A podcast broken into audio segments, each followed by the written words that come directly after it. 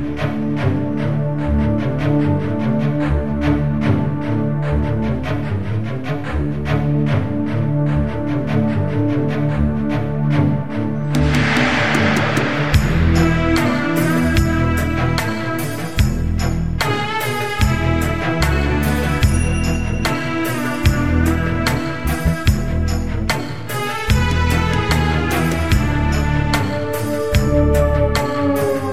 Zase spolu.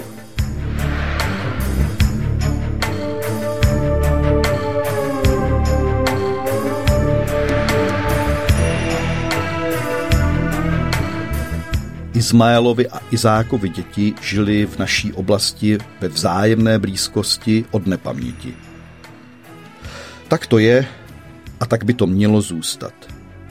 Skrze pokoj, který přináší Jasua, Ješua, Ježíš, můžeme obnovit zpřetrhané rodinné vztahy a postavit mezi sebou navzájem mosty. Akceptujme se navzdory odlišnostem a nahromaděnému odmítnutí. Bible vypráví, jak naši praotci po smrti Abrahama odložili špatné zkušenosti a vzpomínky a sešli se. Abraham žil 175 let. V utěšeném věku, stár a spokojen, pak Abraham vydechl naposled a byl připojen ke svému lidu. Izák a Izmael, jeho synové, ho pochovali v jeskyni Makpela, která leží naproti Mamre. Mám rád obraz 85-letého Izmaele a jeho nevlastního 75-letého bratra Izáka, jak spolupracují, aby zařídili otci pohřeb, jak se patří. Jejich vlasy jsou protkány stříbrem. Roky je nepochybně změkčily. Obě matky, ženy, které se tak nesmiřitelně utkaly, jsou pravděpodobně již také na věčnosti. Sára je v té době mrtvá nejméně 40 let a ani o Hagar se v souvislosti s pohřbem nikde nemluví.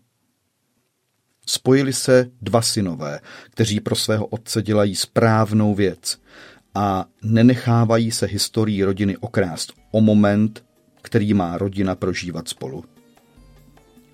Proč bychom nemohli to samé vyhlížet i nyní?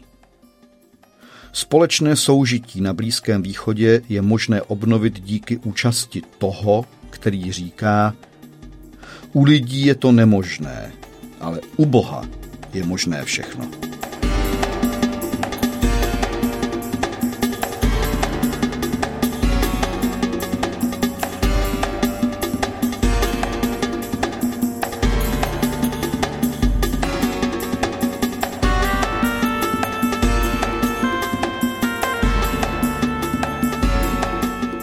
Kapitola 19 Slovo pro nás Pro lidi je vždy snažší vyhodnotit argumenty cizí než své vlastní. Zhlížíme z vrcholu své osobní moudrosti a mudrujeme na adresu někoho jiného. Kdyby to vzali aspoň trochu rozumně, nebo měli by si vidět navzájem na půl cesty vstříc – s nezaujatou objektivitou analyzujeme fakta a vyhlašujeme logické kompromisy, které by měl být každý schopen přijmout. Když však dojde na naše vlastní neschody a stížnosti, věci se ukážou složitějšími. Vůči svým bližním se najednou stáváme násilníky. Může se to týkat našich sousedů, dětí, rodičů nebo příbuzných jsou tak sebestřední, stěžujeme si. Je jim úplně jedno, co cítím já. Jsem jim lhostejný. Ve vlastním životě, často i doma mezi nejbližšími, jsme frustrováni ze vztahů, které by nám měly přinášet radost a naplnění. Představme si několik soustředných kružnic. Rodina tvoří jejich střed. Další kruh představuje vztah, do kterého patříme formálně. To je pracoviště, církve, školy. Na těchto místech trávíme týdně mnoho hodin a můžeme zde potkat další lidi, kteří nás iritují.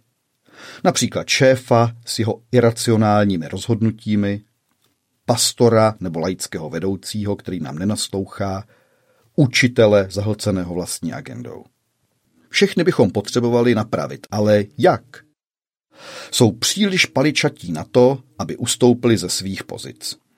Třetí kruh tvoří všichni lidé, které potkáváme náhodně a jsou prostě jiní než my. Mohou být například příslušníky jiné etnické skupiny nebo patřit k jiné generaci. Nebo to jsou příslušníci opačného pohlaví, anebo lidé odlišných politických preferencí, či nižšího nebo naopak vyššího vzdělání, než je to naše. Obávat se totiž můžeme čehokoliv. Ve všech případech si takoví lidé myslí často něco jiného než my. Věci, které my považujeme za velice důležité, jsou jim šumafuk. To nám působí potíže a dostáváme z nich vyrážku. Řešení bolavých momentů často nacházíme těžko, protože se ocitáme přímo uprostřed děje. Je mnohem jednodušší pozorovat konflikt vzdálený tisíce kilometrů, například židé versus palestinci, šíté versus sunité, a vědět, co by účastníci pro jeho řešení měli udělat.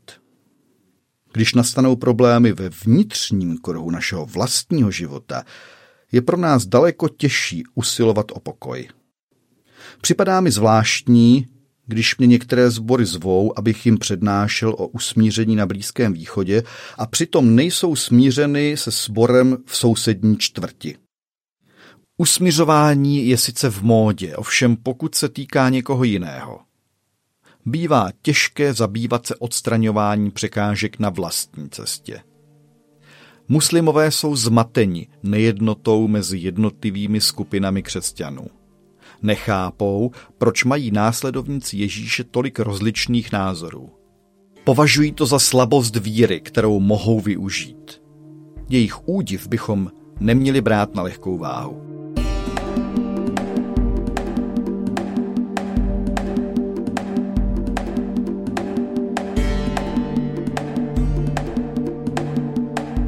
Smíření vyžaduje čas.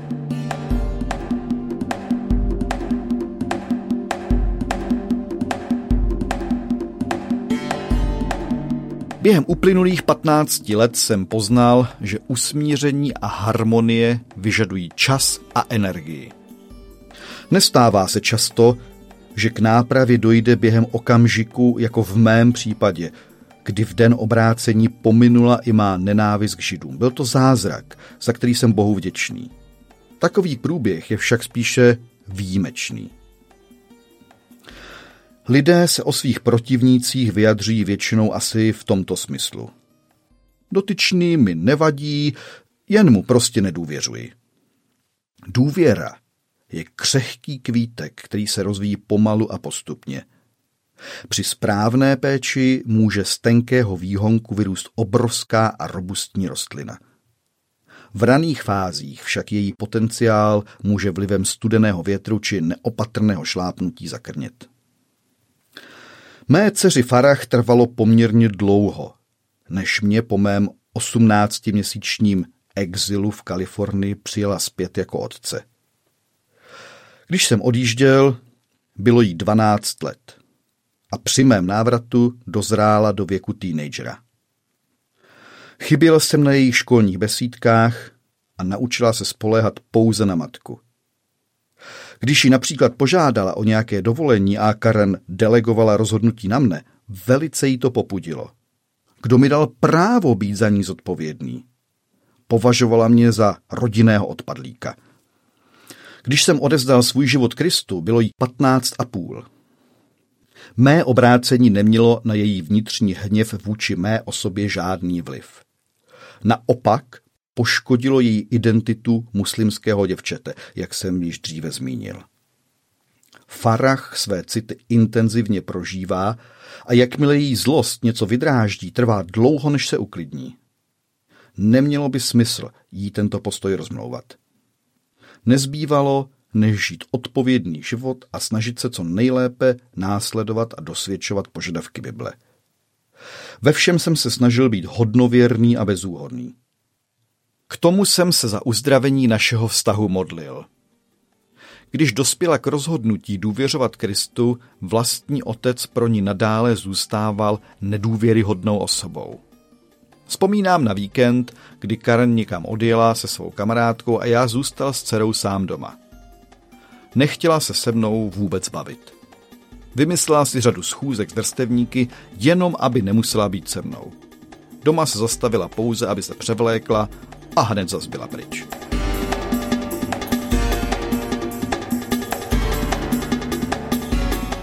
Zášť, kterou jsem v ní svým chováním vyvolal, ji opustila až po 20. narozeninách. Náš vztah je nyní nádherně obnoven. Pracuje v naší kanceláři organizace Naděje pro Izmaele a kromě toho působí jako manažerka na ubytování mládeže v Heartlandu. Ta cizí osoba, můj minulý otec, již neexistuje, říká. Nyní je úplně jiný. Navzájem si nasloucháme a můžeme se bavit o čemkoliv. Když jej slyším přednášet, vždy se dozvím něco nového. Náš vztah se stal nádherným obohacením obou našich životů. Jsme si navzájem velice podobní. Oba reagujeme arabským způsobem. A když mi lidé říkají, že jednám jako můj otec, dmu se píchou. Z celého srdce jej miluji a obdivuji. Naše usmíření nenastalo náhle. Byla nutná kombinace spolehlivého života na mé straně a zároveň boží dotek hluboko v jejím nitru. Celý proces trval dlouhých pět let. Můj syn Ben prošel procesem uzdravení rychleji. Pravděpodobně proto, že onoho rána, kdy jsem jej překvapil svým vyznáním, byl již křesťanem, i když bojícím se mé reakce. Ze stejného důvodu se vypořádal lépe i s mým zanedbáváním. V současné době je ženatý a má tři dcerky, pro které je na rozdíl ode mne vzorným a pozorným otcem. S radostí to sleduju a jsem na něj hrdý. Před několika lety při příležitosti Dne otců učinil Ben na svém blogu vyznání, které mi vehnalo slzy do očí. Zmínil, jak velmi si váží toho, že jsem ho adoptoval. Nazval mne hrdinou, který se dokonale poddal svému bohu. Vyhnul se kulkám, které na něj, pronásledovaného vlastní kulturou, vystřelili muslimští klerikálové. Vše proto, že slouží živému bohu. Můj otec je pravý Indiana Jones. To je v naší rodině jedna z nejoblíbenějších filmových postav. Vše nejlepší ke dni otců, tati. Takové završení v životě naší rodiny je možné jenom díky dlouhodobě působící boží milosti. Budu navždy pokořený a vděčný, že špatná sedba z mého mládí byla neutralizovaná. Přesně jak pán praví skrze proroka Joele – nahradím vám roky, jež sežrali kobylky. Budete jméno hospodina svého boha velebit. Toho, jenž pro vás koná zázraky. V našem případě se tato předpověď prokázala jako absolutně pravdivá a já děkuji hospodinu za jeho dobrotu.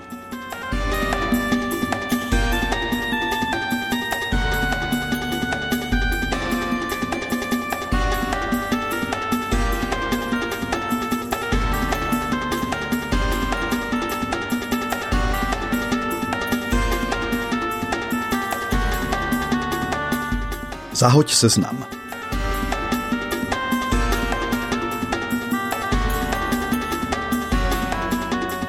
Mé děti Farah a Ben zažili, co znamená osvobození od dlouhodobé zášti. Musíme se vzdát svých domněnek a úsudků. Nepěstujme soupisy křivt. Je nutné, abychom pochopili, že i my se na vzniku takových situací vlastním jednáním podílíme. A poštol Jakub na toto téma kdysi napsal. Odkud pocházejí boje a sváry mezi vámi? Nepůsobí je snad vaše choutky, které se ve vás perou? Dychtíte, ale nemáte.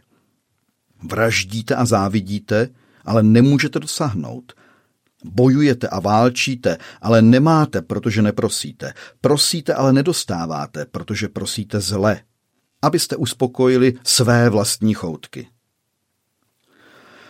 Ken Sand, prezident Peacemaker Ministries, rozvádí tuto pasáž následujícími slovy. Konflikty vznikají z neuspokojených tužeb našich srdcí. Když cítíme, že nebudeme uspokojeni a nezískáme to, co chceme, nebo si myslíme, že to potřebujeme, touha se promění v nárok. Jestliže někdo nesplní naše očekávání, ve svém srdci ho odsoudíme, hádáme se s ním a bojujeme za prosazení své cesty.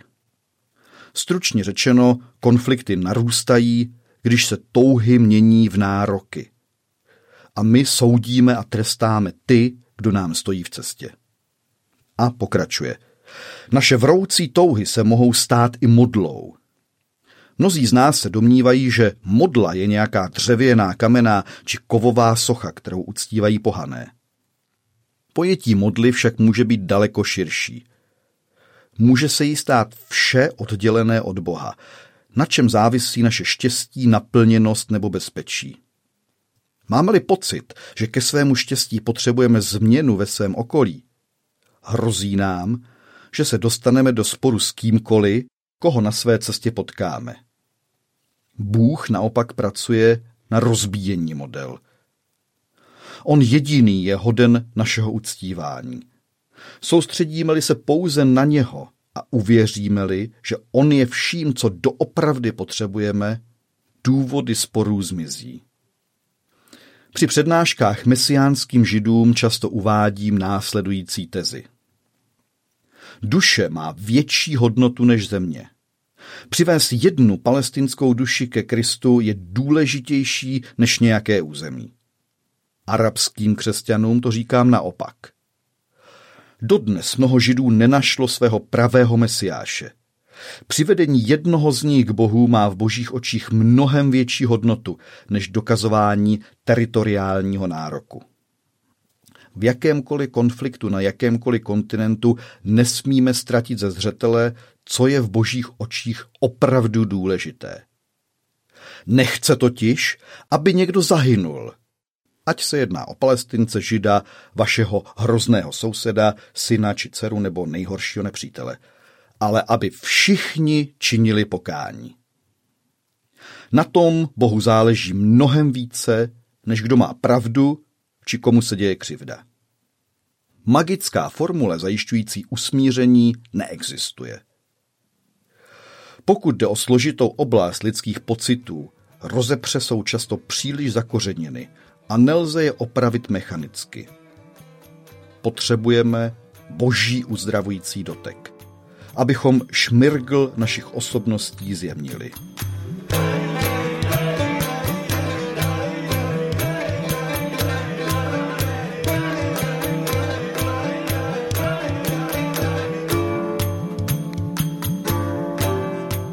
Když jsem přišel k pánu, přečetl jsem celou Bibli během 45 dnů. Verše, které nejvíce zasahly mou mysl, jsou uvedeny v přísloví 3, 5. a 6. verš. Důvěřujte pánu z celého svého srdce a nespoléhejte se na své vlastní poznání. Na všech cestách jej poznávejte a on napřímí vaše stezky. Toto je klíč ke správnému životu. Důvěřujte pánu. Kdykoliv se ocitnu v nepříjemné situaci, slyším pána, jak říká, důvěřuj mi. Ať se zapleteme do jakéhokoliv konfliktu. Řešení nevzejde z našeho vlastního porozumění. Je nutné spolehnutí, důvěra a poslušnost jeho vedení ať se jedná o rodinu, společenství nebo celý svět. Hospodin pokřivené cesty napřímí.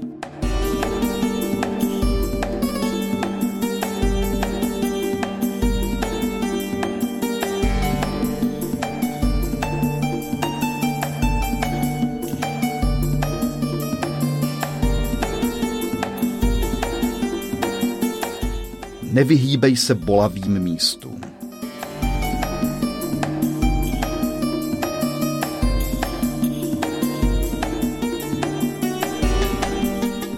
Pokud Bohu dovolíme, aby do našich srdcí zasel svůj pokoj, můžeme k témuž ovlivnit i ostatní. Stanou se z nás šiřitelé pokoje. Dostaneme příležitost posvítit si na bolavá místa, která blokují usmíření. Jednou jsem si v Gaze zastavil taxíka. Byl to mikrobus a ve voze nás jelo několik. Pozoroval jsem hustý dopravní provoz a konverzoval s řidičem. Tolik taxíků, musíte mít velkou konkurenci, že? Ano, je to nezvládnutelné. Každý, kdo má auto, je chce používat v podnikání. Jestliže to takhle půjde dál, bude více řidičů než zákazníků. Povzdechl si a pokračoval.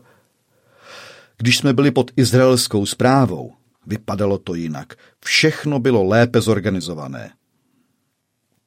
Do diskuze se v tom okamžiku zapojil jeden z pasažérů na bočním sedadle. Ale kde pak? To vůbec není pravda. Židé přece usilují každého muslima na světě zabít. Dokonce jejich svaté knihy jim to přikazují. Mohl jsem to nechat být. Ale nenechal. Ohlédl jsem se dozadu a řekl, opravdu? Četl jste nějaké židovské knihy? Opravdu se to v nich píše? Zcela jistě. Nečetl jsem je osobně, ale říkají to naši imámové. Povím vám, že já židovské knihy četl, přiznal jsem, ale nepamatuji si, že by tam bylo něco o zabíjení muslimů. Imámové mají určitě pravdu, trval na svém. Vědí, že se budou Aláhovi z každé lži zodpovídat. Co pak to dává smysl, nahodil jsem. Jak by mohla Tóra doporučovat zabíjení muslimů, když v době, kdy je prorok Mojžíš zapisoval, žádný islám ještě neexistoval? Mohamed přišel až po Mojžíšovi, Davidovi i Ježíšovi. Jak by mohly tyto dávné knihy nabádat k vraždění muslimů? Diskutér se zarazil. Cože? Judaismus je starší než islám? Hm, ano, příteli, přešti si to sám. Nevěř všemu, co ti řeknou mužové s dlouhými vousy. Podíváš-li se do židovských dějin, zjistíš, že židé získávají Nobelovy ceny za objevy v oblasti záchrany lidských životů. A co na druhé straně produkujeme my? Sebevražedné atentátníky. Mluvíte jako moudrý muž. Kde jste došel ke svým znalostem? V Bibli. O, takže vy jste křesťan. Ano, je to tak. Dosud jsem nikdy žádného křesťana nepotkal. Teď jsem byl překvapen zase já. Vy jste skutečně v celé Gaze nikdy nepotkal ani jednoho křesťana? Ne, ani nevím, že by tu nějací byli. Není nás mnoho, připustil jsem, ale jsme tu. A záleží nám na tom, aby se Gaza stala pro každého lepším místem k životu. Muž chvíli přemýšlel. A kde bych mohl sehnat exemplář té vaší svaté knihy? Rád bych si ji osobně přečetl. Ujistil jsem ho, že mu s tímto problémem pomohu. Ten, jenž přišel na tento svět, aby přinesl pokoj a usmíření, je dnes stejně aktivní jako před dvěma tisíci lety. Hovoří k otevřeným srdcím a mozkům skrze své písmo – ať je člověk čte v tištěné podobě či v elektronické podobě na internetu.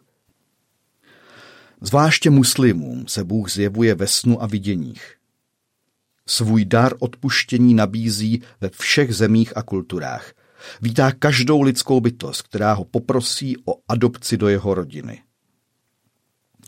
Využijeme-li této možnosti, obdržíme výsadu šířit dobrou zprávu mezi ostatní zvědavé, které zajímá, co je Ježíš zač. Mně trvalo 42 let, než jsem navázal správný kontakt. Mám naději a modlím se, aby ostatní nemuseli čekat tak dlouho. Pevnosti nenávisti a animozity mohou být zbourány skrze milující dotek jediného, který přišel, aby usmířil sebe se všemi věcmi, ať už na zemi nebo v nebi, zjednal pokoj skrze svoji krev prolitou na kříži. Odcizili jsme se Bohu a stali se nepřáteli ve svých myslích kvůli svému zlému chování. Ale nyní nás usmířil. To je evangelium, které jsme slyšeli a které bylo vyhlášeno všemu stvoření pod nebem. Tato dobrá zpráva platí pro všechny.